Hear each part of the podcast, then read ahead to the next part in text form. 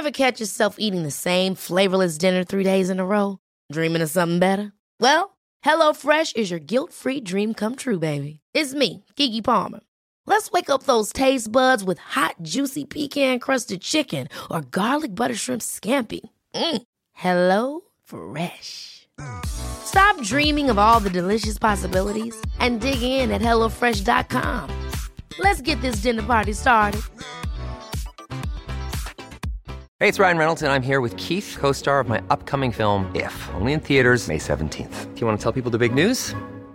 All right, I'll do. Sign up now and you'll get unlimited for $15 a month in six months of Paramount Plus Essential Plan on us. Mintmobile.com slash switch. Upfront payment of $45 equivalent to $15 per month. Unlimited over 40 gigabytes per month. Face lower speeds. Videos at 480p. Active Mint customers by 531.24 get six months of Paramount Plus Essential Plan. Auto renews after six months. Offer ends May 31st, 2024. Separate Paramount Plus registration required. Terms and conditions apply if rated PG.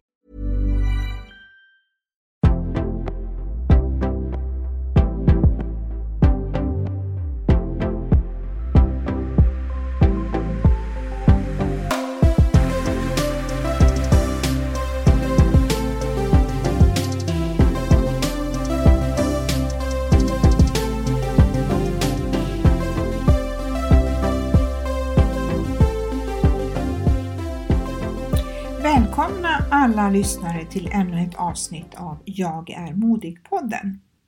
Idag träffar vi en pionjär inom hälsa och friskvård och det är Yvonne Lind. Yvonne drev ett flertal friskvårdsanläggningar under 80 och 90-talet och det var hon som tog aerobics till Sverige. Sedan 94 driver hon och hennes man idrottsforskaren Anatolij Grigorenko Y-lab i Stockholm. Ett innovationsföretag inom hälsa och livsstil med helhet och vetenskap som värdegrund. Välkommen Yvonne Lind till Jag är modig-podden. Ja, tack så mycket. Du är ju en väldigt modig kvinna. Ja. Ja, det är du. Eh, Jag eh, kopplar ju dig till det här med hälsa, friskvård och träning. Mm. Eh, Och du börjar, ditt träningsintresse började ju väldigt tidigt i livet. ja, det gjorde det. Jag var nog bara fem år när min mamma satte mig på dans och rytmik och som sen blev gymnastik då. Precis. Men det fortsatte ju efter det. Jag fick ju problem med ryggen som många gymnaster om man är lite överrörlig. Så då tyckte jag att nej men nu kör vi lite boxning för det är bra. Då blir man stark i ryggen och det Oj. var inte så vanligt då. Och sen så hade jag en fyra år äldre bror och vi bråkade jämt och han jagade alltid in mig på toaletten och så hoppade, jag ut genom fönstret och då gick det ju inte att komma in på toaletten så mamma fick ju alltid veta det då. Och då så tänkte jag så här, nej jag, jag börjar på judo. I Högdalens judoklubb började jag en gång i tiden. Eh, för jag tänkte jag skulle klå upp brorsan. Det blev aldrig så. Utan därifrån så kom jag sen in på, på ri- riktigt rejält faktiskt på kampsporter och fastnade då för kinesiska kampsporter som kallas för wushu. Just det. Och du blev ju även eh, världsmästarinna. Ja, jag blev ju det helt ofrivilligt ska jag säga. För jag, jag hade egentligen inget tävlingsintresse. Jag var inte så intresserad utav det. Men den tränare som jag hade sa att du kan inte liksom jobba som tränare om du inte tävlar och inte vet vad innebörden med tävlandet är. Mm. Så det var därför jag började tävla. Och jag började ju då Ja, det är både artistiskt, en del, och den andra delen är ren kampdel med full kontakt och man går olika ronder. Mm. Det är definitivt inte hälsosamt. Det började med att säga hälsa och friskvård. Men att sparka någon i huvudet kanske inte alltid är så hälsosamt. Nej. Men det, det blev liksom mitt liv då. Mm. Och mitt huvudintresse som jag har för mig själv. Mm. Mm. Och ehm, var det det som ledde dig sen till österut, till Kina? Ja, absolut. Eftersom jag, det var kinesiska kampsporter. Jag tror att Tai Chi och Qigong är ju ganska känt i, i, här hemma. Eh, men eh, på den tiden så var det ju mer okänt. Och jag tyckte det var väldigt exotiskt. Jag har alltid varit så att jag har tyckt om att ge mig iväg av någon anledning. Det finns ju säkert en bra diagnos att ställa på det då, för att man gör så. Men jag, jag reste, jag, alltså min familj kommer från Norge. Jag satt på tåget ensam när jag var åtta år och åkte fram och tillbaka. Och så vidare. Så att jag är van att resa och jag vet att jag, första stället jag åkte utomlands till det var ju Moskva och Leningrad och då var jag 14. Så att jag har varit lite så här villbatting, liksom, att jag åker dit jag känner för. Ja. Men Kina var ju mer bestämt. Att jag, där hade jag liksom träningen och framförallt så kom jag i kontakt med den tränare där borta som kom att betyda väldigt, väldigt mycket för mig. Mm. Han lever inte idag men han blev 103 år. Så att, ehm, och jag menar han började ju bli pensionerad när jag då som tonåring började träna med honom. Mm. Och jag kan säga vad det var som, som fick mitt livsintresse att bli just det här liksom österländska synsättet då med helhet. Eh, jag, jag satt i parken och tittade på honom eh, av en slump när han tränade och han hade någon hemsk kinesisk musik som jag tyckte då, någon sån här opera, eller det lät som de skrek i falsett. Och så hade han sina svärd och spjut och han hade en bandspelare alltså då som lät förskräckligt och så hoppade han omkring där med sina spjut och svärd och, och allt vad det var för någonting och solfjädrar. Men när den här gubben då som jag tyckte, när han gjorde en rondat och hoppade ner i spagat och jag tänkte men gud han är pensionär, hur, hur, hur kan han? Och då är man ung och så blir man väldigt fascinerad och så tänkte jag Nej, men jag vill ju träna med honom. Mm. Men på den här, vid den här tiden så kunde jag ingen kinesiska så att jag kunde liksom inte kommunicera med honom. Men däremot så visste jag att det är oartigt som ung person att bara gå fram som vi gör här. Mm. Hej, jag vill träna med dig. Vad är terminsavgiften ungefär? Det går liksom inte riktigt så i Kina. Så jag satt där och tittade. Och sen gick ju han hem efter några timmar och så tänkte jag dagen efter, men jag kommer tillbaka. Han, han är nog där. Och det var han ju. Och sen kom jag tillbaks dagen därpå och dagen därpå. Jag visste ju inte hur jag skulle få kontakt. Jag kände ju ingen liksom. Så jag satt bara där och tittade varje morgon på honom. Och kom tillbaks igen och igen och igen och igen. Efter två och en halv månad då kommer han fram till mig och så tittar han på mig och så säger han Are you interested? Då visar sig Två och en halv Ja. månad. Han kunde engelska. Ja, han hade utbildat sig till stridspilot och, och varit i USA så han pratade engelska. Så att det, var ju så häftigt och jag bara ja, ja, liksom, jag är intresserad. Och då sa han, men follow me, okej. Och så tänkte jag så här, ja, jag är ung, nu ska jag visa här att vi är västerländska ungdomar, vi förstår det här med att liksom se upp till äldre personer. Så jag erbjöd mig, jag bär din träningsväska. Ja. Men de är ju två meter höga där och det är spjut och svärd och tunga grejer i. Mm. Så när jag lyfter den här så känner jag, men oj den här är ju jättetung. Och så börjar jag tänka, men den här gamla mannen han konkar på Mm. den här fram och tillbaks varje dag. Och jag släpade den här för vi gick nästan en timme och det var nästan 40 grader varmt. Och till slut jag hade maxpuls. Jag bara vet, jag orkar inte bära den. Jag hade så mycket mjölksyra i armarna. Så jag ställde den här liksom på foten Ja. och höll den runt höften och så släpade jag med mig den här träningsväskan då hem till honom då. Och så fick jag träffa hans fru och jag gick ut med hunden och jag lagade kinesisk mat. Och, alltså det här är månader vi pratar om. Sydde sådana här fodral till svärden och solfjädrarna. Och jag var så, så här, åh, när får jag börja träna? När får jag börja träna? Och varje gång jag sa någonting så började han, gräset viker sig och solen och månen. Och, jag liksom, det gick inte att kommunicera. Du skulle vara tålmodig. Ja, och det var precis det det handlade om. Mm. Så att eh, när vi, den dagen när vi började träna, jag hade suttit kvällen innan och varit nästan gråtfärdig och tänkt nej men gud jag ska ju åka hem snart och varför får jag inte börja träna? Och då så insåg jag det. Ja men okej, det här är ju bara någon utmattningsprocess för att kolla den mentala kapaciteten. Kommer jag ha den här uthålligheten som behövs? Och jag, jag menar, jag tävlade vid den här tidpunkten och för mig var mental träning att ligga på rygg och ha målbilder och se att man vann och Ja. sådana saker var och anspänningsträning och så. Så det här blev en helt ny värld. Mm. Och två saker egentligen. Dels vikten utav mental träning, den, den blev väldigt tydlig. Och det andra var ju att inte träna för livet som vi gör. Bara stressa, stressa. Jag måste träna, jag måste springa lopp, jag ska göra klassiken fyra gånger. Att liksom, hur gör man för att träna för hela livet? Det var det jag fick med mig utav honom. Mm. Inte massor med rutiner och övningar. Det fick jag också. Men framförallt så fick jag vishet från en äldre människa som har levt ett rikt liv och där man får med sig filosofi för att orka motgångar i livet. För det behöver man göra. Och där i, det är ju så i, i de asiatiska länderna att där är ju också den äldre människan och deras erfarenhet är ju det är ju väldigt värdefullt Ja. och det uppskattas väldigt mycket. Det gör det. Alltså det, det är en värdighet på ett helt annat sätt. Mm. Vi, vi har ju, det är många som pratar om det förvisso i Sverige, det här med att våra gamlingar och de som blir äldre, de blir ensamma. Vi delar till och med på par så att den ena får Ja. komma in och den andra får bo kvar hemma. Och det är fruktansvärt. Så det skulle, det skulle liksom inte riktigt kunna hända i en miljö där man tänker på människors bästa, välmående och hälsa. Mm. Då tar man hand om varandra. Ja. Och jag kommer faktiskt inte ihåg vem det var som sa det här men det är ett citat och det var någon som skrev någon gång i tiden det här att den bästa skolan den är vid en åldrings fötter. Mm. Och det har vi glömt bort. Ja.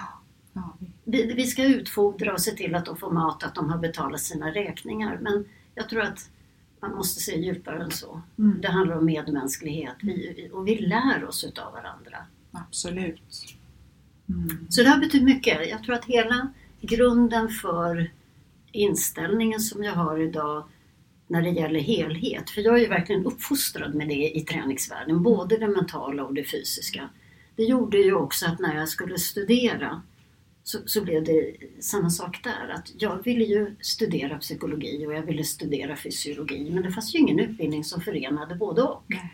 Så då fick jag ta liksom, fem år på ena sidan och fem år på andra sidan.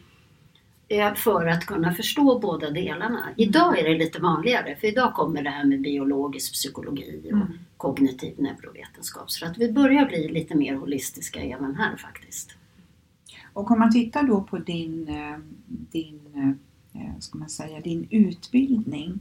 Eh, vad, ja, vad, vad blev din profession om man säger till en, de akademiska Ja, utbildningarna? Man kan säga så här, jag tog ju en magister i medicin och jag har en master i psykologi. Och jag älskar det här för att vi vill så gärna sätta etikett på människor. Mm. Jaha, är du läkare? Jaha, du är sjukgymnast. Så jag brukar ofta säga nej, ingenting. och så blir det Men panik. sen är du allting Ja. också. Alltså, alltså det är precis hur man vill tolka det. Ja. Eh, Men man kan säga så här att det, det som är närmast är ju att man är hälsovetare. Mm. För att man jobbar brett inom hälsovetenskaperna kan man säga. Mm. Men jag tycker ju om att arbeta på individnivå själv. Mm. Eh, Det spelar inte så stor roll om jag jobbar med fysisk aktivitet, fysisk träning undervisning. Jag vet att jag har haft över 20 000 gruppträningspass. Jag tycker om att jobba personligt, det gör jag fortfarande. Eh, Och det är utav, inte bara liksom egenintresse, jo det är det lite grann, lite egoism där. För att man får också ett väldigt stort utbyte utav att jobba med människor faktiskt ute på planhalvan där man ska agera och inte fastna inne på ett labb med, med bara sin forskning. Så det, nej, det tycker jag är viktigt. Och idag har jag ju väldigt många samtalsterapisessioner. Så att eh, jag har en fantastisk möjlighet. Fantastisk palett av Ja. kunskap som du kan använda i din dagliga verksamhet. Ja, eller också så kan man se det som att jag... Erfarenheter. Ja, Mm. eh, det, det, det får jag nog säga. Men samtidigt så kan man säga att jag kan aldrig bestämma mig. För att jag vill ha både samtalsterapin och jag vill prata eh, så att säga, träningslära, kost Ja. och psykologi och fysiologi. Och just i det här samhället som vi lever i idag så finns det ett väldigt stort intresse för att försöka förstå. För att det är ett kommunikativt samhälle där det inte finns någon faktagranskning. Mm. Vem ska man kunna lita på? Ja. Hur, hur ska jag äta? Är det här bra eller dåligt? Och Hur det finns så många olika filosofier. Och ena dagen är det här bra, sen nästa dag är det någonting annat som Mm. är, är bra eller inte bra. Och då är det ju tur att man är företagare som jag förstår vad som är skillnad mellan fakta och kommersiella tricks. Mm. För att det, det finns så många dieter, det finns så många uppfattningar om hur man ska leva för att leva sunt. Men om, om om man säger så här, människans biologi, den har inte förändrats särskilt mycket. Det var ganska många år sedan vi hade förändringar där. Mm. Så att jag tror att förstår man psykologi och fysiologi så kommer man inte gå ut och säga att det finns sockerberoende eller vad man nu ska ta för någonting. Nu är det säkert flera som bara Åh, finns inte sockerberoende? Nej, alltså, Many of us have those stubborn pounds that seem impossible to lose, no matter how good we eat or how hard we work out. My solution is PlushCare. PlushCare is a leading telehealth provider with doctors who are there for you day and night to partner with you in your weight loss journey. They can prescribe FDA-approved weight loss medications like Wagovi and Zepbound for those who qualify. Plus, they accept most insurance plans. To get started, visit plushcare.com slash weight loss. That's plushcare.com slash weight loss. Hiring for your small business? If you're not looking for professionals on LinkedIn, you're looking in the wrong place. That's like looking for your car keys in a fish tank. LinkedIn helps you hire professionals you can't find anywhere else, even those who aren't actively searching for a new job but might be open to the perfect role. In a given month, over 70% of LinkedIn users don't even visit other leading job sites. So start looking in the right place. With LinkedIn, you can hire professionals like a professional. Post your free job on linkedin.com slash achieve today. Quality sleep is essential. That's why the Sleep Number Smart Bed is designed for your ever-evolving sleep needs. Need a bed that's firmer or softer on either side? Helps you sleep at a comfortable temperature? Sleep Number Smart Beds let you individualize your comfort so you sleep better together. JD Power ranks Sleep Number number 1 in customer satisfaction with mattresses purchased in-store. And now, save 50% on the Sleep Number limited edition Smart Bed for a limited time. For JD Power 2023 award information, visit jdpower.com/awards. Only at a Sleep Number store or sleepnumber.com. Då kommer jag, jag, jag eh, har lärt mig ett nytt symptom, eller vad ska man Mm. säga, ett nytt ord. Mm. Du pratar om ortorexi. Mm. Eh, och det är ett begrepp som jag aldrig har hört tidigare. Mm. Nej, det är förhållandevis nytt. Det blev... Du vet, man har ju det här årets ord eller någonting så här, nya ord Mm. eller vad det var för Mm. några år sedan då. Ja. Eh, När jag tillsammans med min man, vi, eh, som är forskare, vi skrev boken Ortorexi tillsammans. Och det gjorde vi på uppdrag utav eh, Idrottsförbundets eget bokförlag. För man såg att det här med ortorexi hade börjat tränga in i idrotten. Annars var vi vana vid att ortorexi finns i fitnessbranschen, bantarindustrin, men även då inom idrotten. Vad är det då? Det är alltså ett begrepp som myntades under 90-talet av en amerikansk läkare som hette Steven Bratman. Och han beskrev det som att det här är en fixering vid hälsosam kost. I hans värld så handlade det inte om att banta, det handlade inte om kroppsfixering utan det handlade om att äta så rent som möjligt för att inte bli sjuk. Att man var alltså rädd för att bli sjuk. Så var det på 1900-talet och han kallade det här då ortorexia nervosa. När jag kom i kontakt med det så ehm, det, egentligen är det så att jag kom i kontakt med ätstörningar väldigt tidigt när jag hade mina träningsanläggningar mm och insåg att oj, det här är ju annorlunda mot vad jag var, hur jag var uppväxt och tränade inom idrotten, att man äter för att kunna träna bra. Helt Ska, ska vi göra en liten litet sidospår där? Och, Mm. För det var någonting som du kom i kontakt med kanske i Beverly Hills? Ja, det, det gjorde jag till, till, till att börja med. Mm. Så, så var det så. Att, eh, när jag kom ju, det blev en väldig kulturkrock kan jag säga. Ja. Att jag var i södra Kina Mm. och sen så hade jag varit där under en tag, ett tag och det var ganska fattigt för den tiden. Det var en mindre, mindre stad med typ 10 miljoner invånare. typ. Men, eh, och sen så satte jag mig på flyget och så liksom var det Beverly Hills som var nästa ställe där jag skulle bo. Och eh, det var i kvarteren där Jane Fonda startade sin första workout. Och jag tyckte ju det där var jättefånigt. Eh, För jag var ju seriös idrottstjej, inte höll på med massor med plastkläder och här fåniga saker och benvärmare som det var då. Men jag brukade springa förbi hennes studio på morgnarna Mm. och det var så mycket kondens på, på fönstren. Så att jag tänkte, men vad är det här? De svettas nog där inne. och det gjorde att jag sa att nej, men jag måste gå in och prova i alla fall. Och den här ödmjukheten som man får i Asien, den var borta. Jag gick in och sa, jag ska, hon frågade beginners right? Och jag, no, advanced. Ja. Så här tyckte jag. Ja. En och en halv timme senare så kröp jag ut. Jag vet inte, alltså, jag var fysiskt helt slut. Jag var mentalt helt knäckt för att den här konstiga tjejdansgympan, liksom att den skulle ta knäcken på mig. Men då började jag att träna där och mycket riktigt då så kom jag i kontakt med eh, väldigt mycket som jag ansåg var ohälsosamt. Mm. Och också som skandinav skulle jag vilja säga. Det här med att eh, man inte längre kunde gå och promenera, cykla utan det var bil och det var chaufför och stanna utanför restaurang och någon tog hand om maten när man handlade och så vidare. Mm. Och jag kände mig ganska instängd. Jag började längta efter allemansrätten. Ja. Det här fick man liksom inte gå hur man ville för det var väldigt styrt inom det området då. Men på Jane Fondas ställe då så, så såg jag ju de som började att banta väldigt, väldigt hårt. Och jag kunde ju ha de som kom för två, ja, två träningspass om dagen eller tre träningspass om Oj. dagen. Och de gick ju på Beverly Hills Diet eller liksom olika dieter. Man sminkade sig då innan man tränade.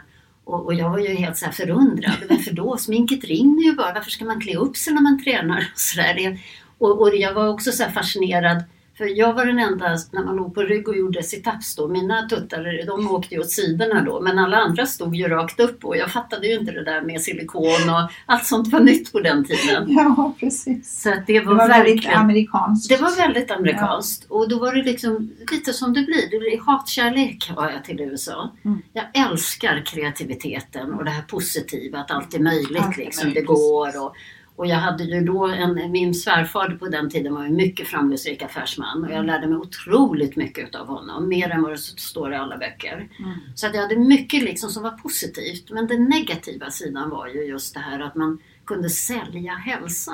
Ja. Man sålde i Los Angeles på den tiden luft på burk. För det var så mycket föroreningar som lurade i folk att man skulle andas i burkar. Och, och jag menar, med lite kunskap i fysiologi så förstår man ju att det inte är särskilt bra att andas in och ut samma luft.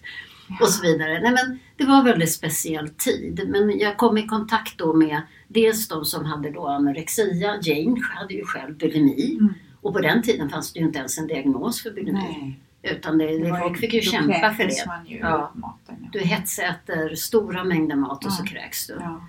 Det var också i tider när många kom ut i sin sexualitet. Mm. Det var ju fortfarande innan bromsmedicinerna för aids kom. Så att det var, jag tyckte att det var en väldigt tragisk miljö. Mm.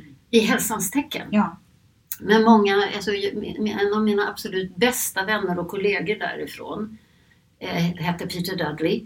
Och han var ju gay då Ja. och han fick ju aids Mm. senare då och gick bort. Och det här var ju under en tid då jag var tränare åt eh, en, grupp som var på Broadway och som gjorde Cats och i vita senare och så vidare.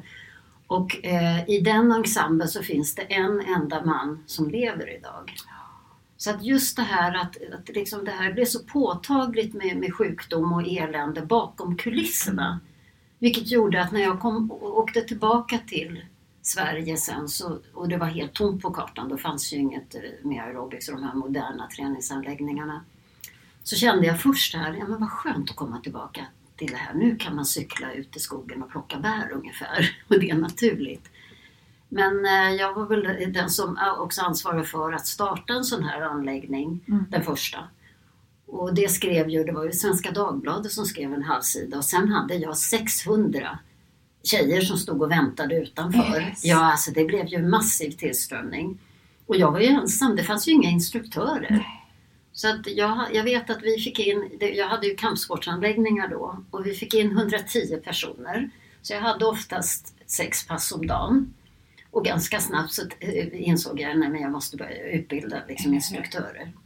Så så var det. Men det, det fanns också något väldigt positivt i den här tiden tycker jag. För att det, var så, det var så häftigt allting. Det var, kläderna var så häftiga och man behövde inte förboka några kurser och det var inga årsabonnemang. Man kunde bara hoppa in och drop-in var ju nytt och klippkort hade man ju på den Mm, tiden. mm. Och, och så vidare. Så att, nej, det var en väldigt glad stämning. Och Men det här var 80-tal. det här är 80-talet. Ja, 80-talet var ju en, en möjligheternas Ja, verkligen. eh, tid. Ja, alltså. högkonjunktur. Ja, liksom allt, allt var så positivt Ja. på något sätt då, Mm. och lättvindigt. ja. Men jag uppfattades ju av vissa då som en stor svikare. Och det här var ju framförallt då i kampsportsvärlden. Mm. Hur kan du befatta dig med någonting så ytligt som denna workout aerobics? Och gud så töntigt det var då, tyckte man. Ja, men det gjorde jag ju för jag tyckte det var kul. Mm. Och jag hade ju haft den här militanta träningen i alla år och jag tyckte det var fantastiskt att kunna blanda upp med någonting som var glättigt och lite på, Mm. på som man kunde göra lite mer eh, liksom fritt då. Eh, Men jag vet att jag ändå förde in det här med, med liksom träning ska ge träningsresultat. Vi tränar för att bli starkare, för att bli vigare, för att få bättre kondition. Jag, hade all, jag behöll alltid den. Jag, jag hade fortfarande chokladbollar och Festis. Ja. Inga pulver, inga piller. Utan ät vanlig mat. Det fanns liksom med mig redan då. Mm. Att det, här är grunden för en god hälsa. Är att faktiskt kunna äta vanlig mat och träna på ett sätt som är berikande. Det ska ge någonting positivt. Och du, du, pratar ju också, och du pratar ju också om det här just att, att man ska ju också njuta av sitt liv. Mm, absolut. Och det, därför är träning har ju varit mitt liv. Liksom jag har alltid haft egna träningsanläggningar. Och, och det behöver inte alltid vara att träning måste vara roligt, men det kan vara intressant. Det kan vara spännande. Men det ska ge någonting positivt. Idag så har det blivit mer eller mindre tvång för många. Att man tränar för man borde träna. Man mår dåligt om man inte tränar. Det känns så skönt att träna efteråt. Ja. Nej, det ska vara bra när man gör det. Ja. Och det där har ju liksom gått överstyr och det här är lite grann grunden till det som vi då benämner som ortorexia atletica. Mm. Att man är ortorektisk, fixerad vid nyttiga livsmedel. Man tror på att man måste utesluta, det blir sjukt alltså när man börjar utesluta det man tycker är onyttigt. Mm. Och sen ska man träna för att vara sund. Men det går överstyr. Att det blir att man till slut inte kan hoppa över träning. Att trä- träning blir det här kravfyllda. Och man måste träna för att annars så blir man tjock. Mm. Eller så blir man sjuk. Eller så blir man uppfattad som en dålig personlighet och dålig karaktär. En sån här odisciplinerad, slö person som bara ligger på sofflocket och käkar chips. Det finns liksom ett, ett förakt idag mot en viss livsstil. Mm. Jag kan ju se den andra sidan då med ortorexia atletica där man blir tvångsmässig. Att man måste träna hårdare och hårdare och längre och längre. Och man äter färre och färre livsmedel. Det är inte ett värdigt liv. Nej. Det är ett extremt smärtsamt, tufft liv. Mm. Där de flesta får betydligt svårare så att säga, symptom och lidande än en anorektiker. Det är så. Ja. Och det, det är ju för Ja, att man bra. tränar liksom en, en kropp i svält fast det syns inte att man svälter. Nej. För att det här är ju någonting, vi, alltså samhället, i samhället så pratar man ju mycket om anorektiker och eh, olika behandlingsformer och så här. Men det du pratar om är någonting som jag har inte stött på det någonstans eller hört talas om det. Men om jag säger så här. Om du tänker att du eh, tittar på TV, läser sociala medier eller du sitter på en fikapaus i, tillsammans med arbetskollegor. Hur lång tid tar det innan någon säger "Åh, jag borde inte ta den här? Ja, det händer ju väldigt ofta. Ja, Mm. och vad betyder det? Det betyder att man har laddat ett livsmedel med något som man tycker är onyttigt. Och när man då äter den så får man lite skuldkänslor. För det är inte bra att äta det här. Ja, det är så här det börjar. Mm. Ta ett annat exempel. En reporter som säger vid ett tillfälle i ett tv-inslag så sitter de två stycken och då säger hon Ja, det är wienerbrödets dag idag så jag har faktiskt ätit ett wienerbröd. Men det kan man ju inte göra varje dag. Och då sitter jag tillsammans med en grupp människor och säger Nej gud, det kan man ju inte göra. Det är alldeles för dyrt. Ja. Och då reagerar Då alla. blir det en annan laddning i... Ja. För att det var ingen som tänkte att det hade det någonting med dyrt att göra. Det är ju att du blir tjock utav det. Ja. Och varför jag sa, ja men jag äter wienerbröd varje dag. Nej, då tittar de på en. Nej, det kan du inte göra. Jo, så jag, det kan jag göra, men jag äter inget annat. Jag äter bara wienerbröd. Ja. ja, men då så. Ja, men det är ju ett tillägg till det andra. Så sa jag, men det kanske är det andra jag blir tjock av då. Mm. Så att det här har gått väldigt, väldigt snett. Och, och det här som, så att säga, när man börjar att utesluta, när man lägger skuld och skam i att folk äter på ett visst sätt eller inte tränar, att man inte har gjort den här klassiken 16 gånger. Mm. Eh, det är inte särskilt hälsofrämjande. Skolorna, förskolorna idag i, Stockholm har exempelvis gjort det här. Att man Eh, flera av dem har nu börjat förbjuda att barnen får ta med sig glasspinnar när någon fyller år. Och det motiverar man med då att ja, men det är ju onyttigt, de får ta med sig frukt istället. Och så kommer lilla Kalle och han fyller sex år. Och så säger han till sina kompisar Jag fyller år idag, vill ni ha varsin banan? Ja, det är ju inte fest. Det är inte fest. Nej. Och, och då finns det radikala röster som säger ja men de ska lära sig äta frukt. Men ett barn är inte dumt. Den säger vad är det för fel med glass? Det är ju jättegott med glass. Mm. Vad säger man då? Ja men det förstår du kan du bli tjock av. Eller? Nej men då kan du få diabetes. Eller vad är det vi säger? För vi föder grunden till ätstörda beteenden. Ja, det är sorgligt. Det, det, det går åt fel håll. Och det, den här liksom, jag älskar träning. Jag är uppvuxen med träning. Träning har gett mig så otroligt mycket positivt i mitt liv.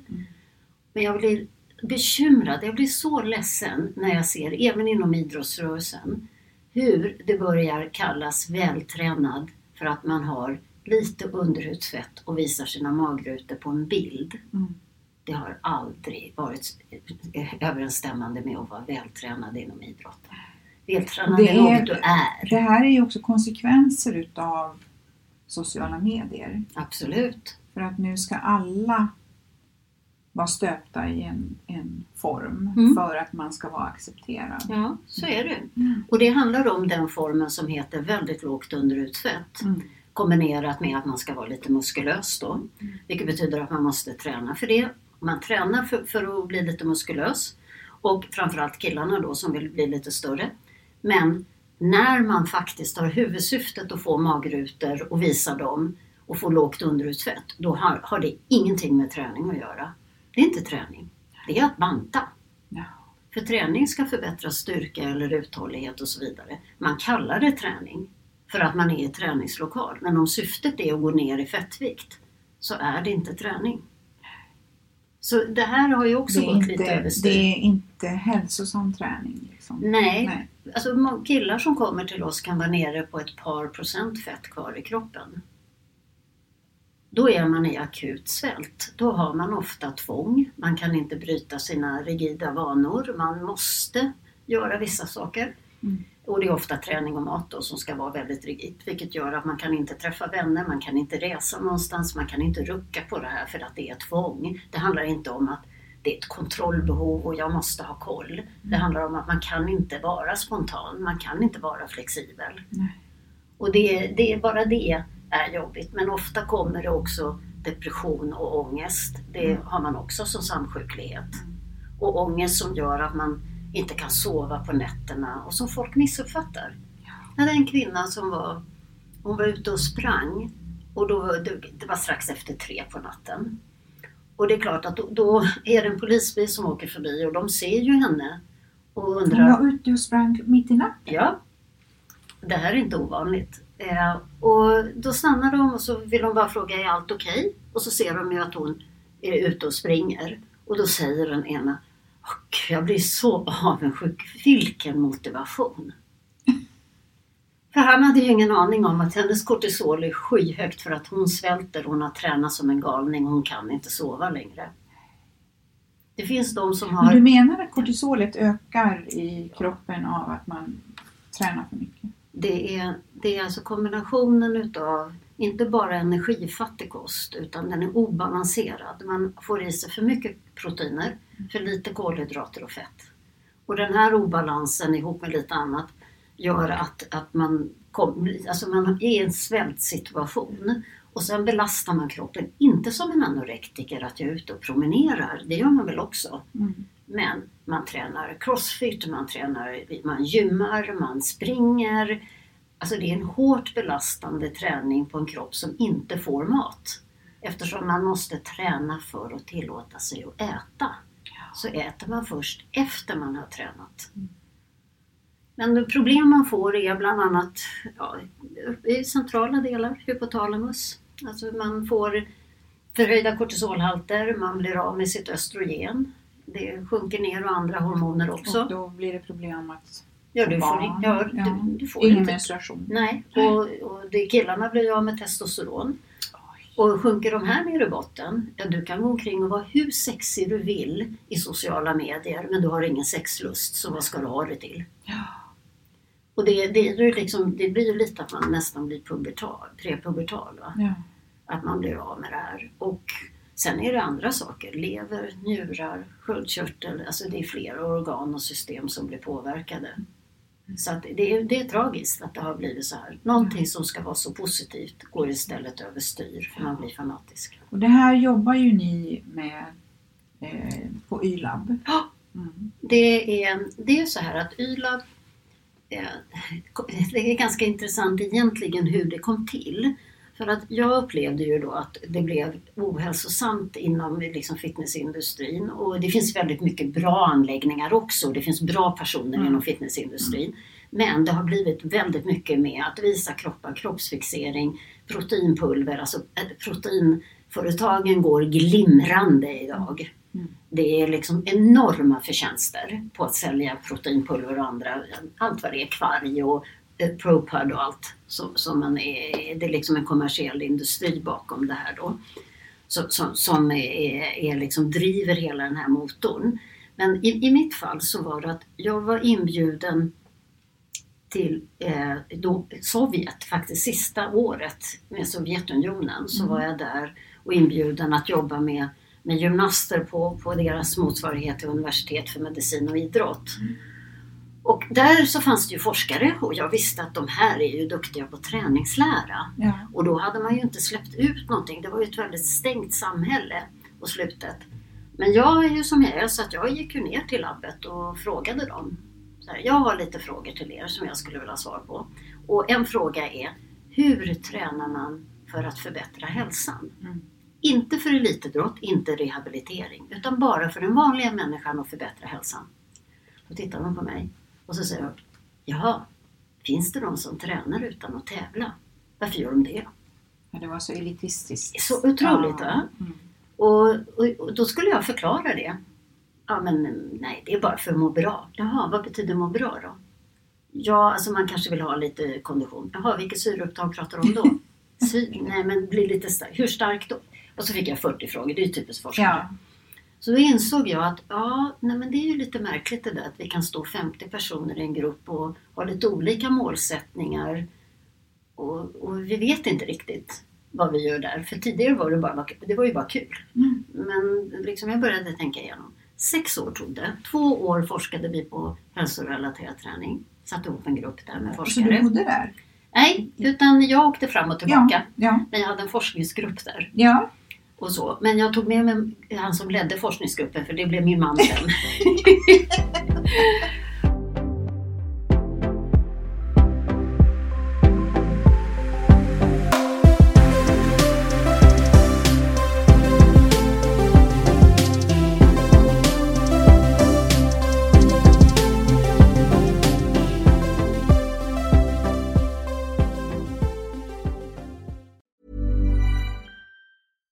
catch yourself eating the same flavorless dinner three days in a row?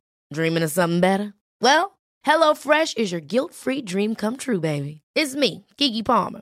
Let's wake up those taste buds with hot, juicy pecan-crusted chicken or garlic butter shrimp scampi. Mm. Hello Fresh. Stop dreaming of all the delicious possibilities and dig in at HelloFresh.com. Let's get this dinner party started.